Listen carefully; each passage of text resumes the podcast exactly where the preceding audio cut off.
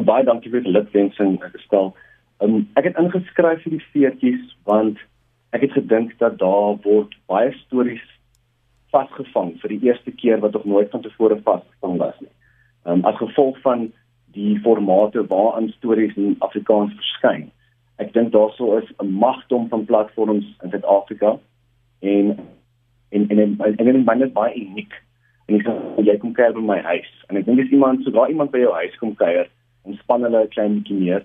Ek kan 'n klein bietjie meer op hulle gemak wees en ek het nie um, my my um, my show word nie gesensor nie. So jy kan presies praat soos wat jy by jou eie huis sou praat. En ja, lank storie kort, ek dink daar word 'n 'n hele paar goeters vertel in die garage wat 'n uh, erkenning verdien het. En toe en toe vat ek net 'n kans en skryf dit in en dit is vir my ook baie groot skok. Ek het nie gedink ek gaan wen nie. Ek was op baie hele paar musiektoekennings en ek wen nooit uh, ek ek, ek wen gewoonlik nooit daar nie. maar uh, met die veertjies het ek glad nie gewapen op die feit gaan wen. En toe ek wen, dink ek, "Wow, hierdie beteken nogal iets uh, vir ander mense soos ek wat wat ook iets wil doen of iets wil vasvang, maar maar hulle voel soms miskien dat hulle genoeg selfvertroue nie of hulle kan nie uh, 'n uh, werk kry by 'n ander plek of 'n ander media huis wat wat sulke dienste bied nie, maar dat jy dit so by jou huis kan doen. Jy weet so ek ek, ek wil die bekenning inspireer ander ander mense ook om om hulle eie stories te begin vertel. Jy sê mense vertel hulle stories daar in jou motorhuis in jou garage soos jy sê wat nog nooit vertel is nie. Wat doen jy om jou gaste op hulle gemak te laat voel? Baie van die musikante onder andere met wie jy gesels is nou mense wat jy al 'n lang pad mee stap want jy's al van baie jonk af in die musiekbedryf. Wat doen jy om vir hulle daai spasie te gee en hulle op hulle gemak te laat voel om daai geleentheid te skep om te sê jy kan jou storie hier vertel en is eintlik veilig want daai mense doen hordes onderhoude op verskeie radioplatforms en dis partykeer jy weet hulle hulle beskerm hulle self hulle half antwoord min of meer dieselfde antwoord op verskillende vrae om hulle self te beskerm. Ja, wat ek by die Rolling Stone tydskrif gewerk het, was een van die heel eerste goeders wat ek geleer het was om om te besef dat sodra jy iemand anders skryf oor of sodra jy 'n uh, 'n album resenseer, dan gaan jy dit gaan oor daai persoon. En wat ek nou agtergekom het in die in die garage um, oor die afgelope 3 jaar is dat wanneer jy 'n podcast show met iemand gesels, dan moet jy so klein bietjie van jouself gee vir hulle om iets vir jou terug te gee. Ek het besef dat as ek iets regtig wil uitvind waar ek vir waar ek gewonder het byvoorbeeld wat wat ek nie weet van daai persoon nie, dan dan sal ek vir daai persoon um, 'n voorbeeld gee van my eie loopbaan of van my eie lewe en vir hom ietsie terug te vertel. Jy weet, soos ek ek noem my my onderhoude noem ek gesprekke in plaas van onderhoude, want dit is 'n uh, uh, uh, soms deel ek iets van myself en dan kry ek iets terug. En ek dink as iemand by jou huis aankom in plaas van 'n kliniese ateljee, dan voel al klaar meer op lig. Jy weet, soos my my vrou is daar in die kombuis of my my seentjie is op die bad, jy weet, en ons maak gou koffie en die hond is daar rondom ons en en ek dink mense voel klaar op hulle gemak as hulle net iemand se onpretensieuse motorhuis inkom. En en jy uh, baie van die rokers kan rook as hulle gereed voor rook. Jy weet, uh, soms staan ek op en ek maak oor die deur toe as die karre 'n bietjie raas. So dit is 'n dit is, is 'n baie natuurlike manier en jy vergeet baie vinnig van die mikrofoon na die eerste 5 minute. En daar sien tydsbeperkings en niemand kan kyk na horlosie.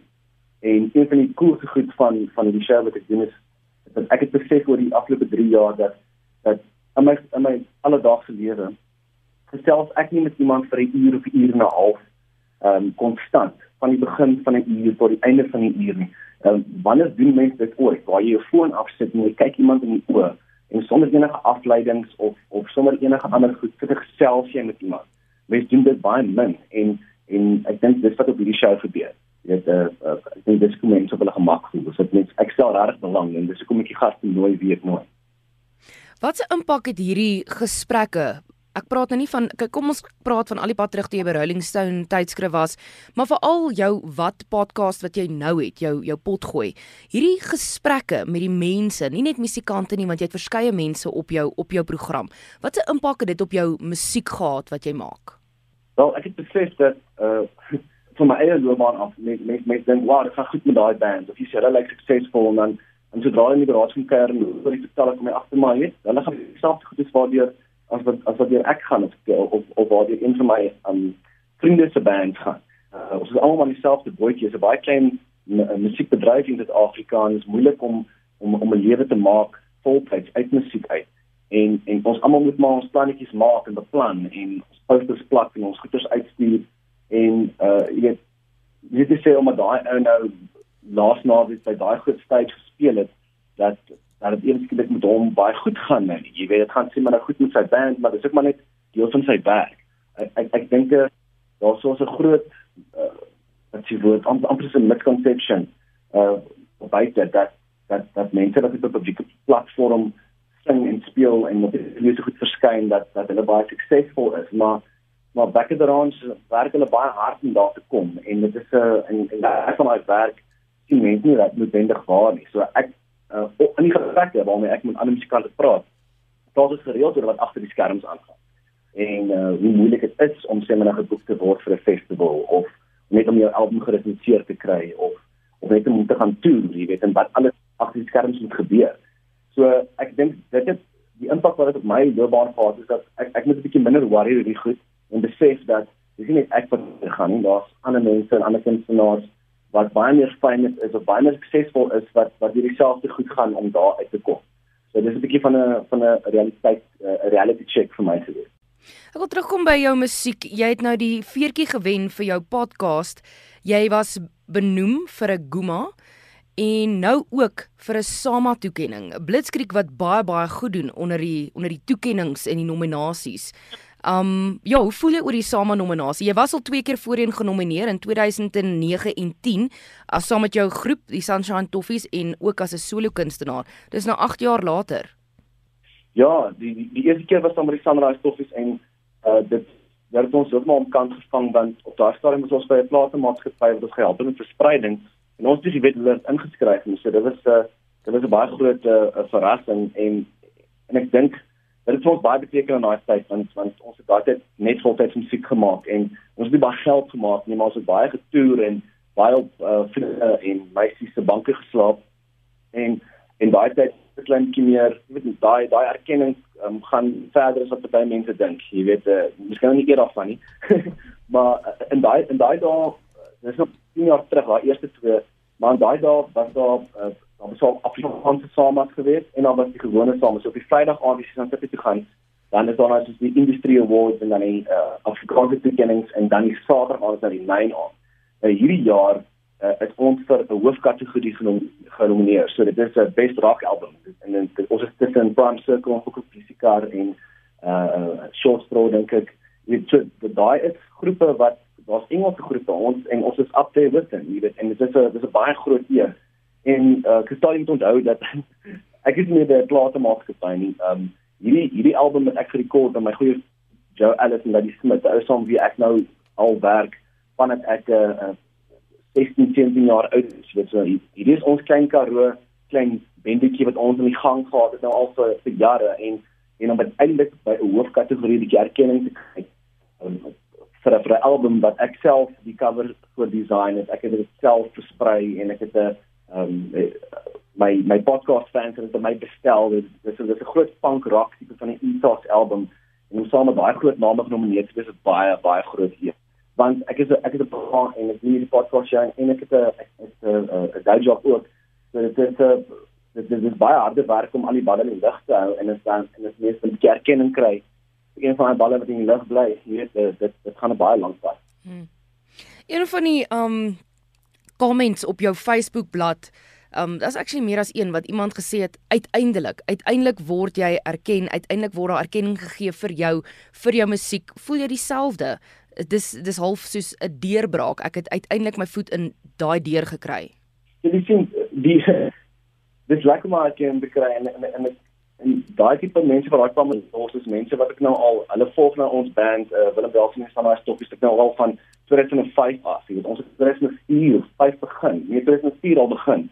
En en het, ons was nooit een van daai suksesvolle headliner bands op groot stages nie. Ons was nog nooit 'n uh, een van daai bands wat eh, 'n uh, groot uh bemarkingsveld toe gehad het. Ons ons ons het altyd so we were, we were bubbling under jy weet.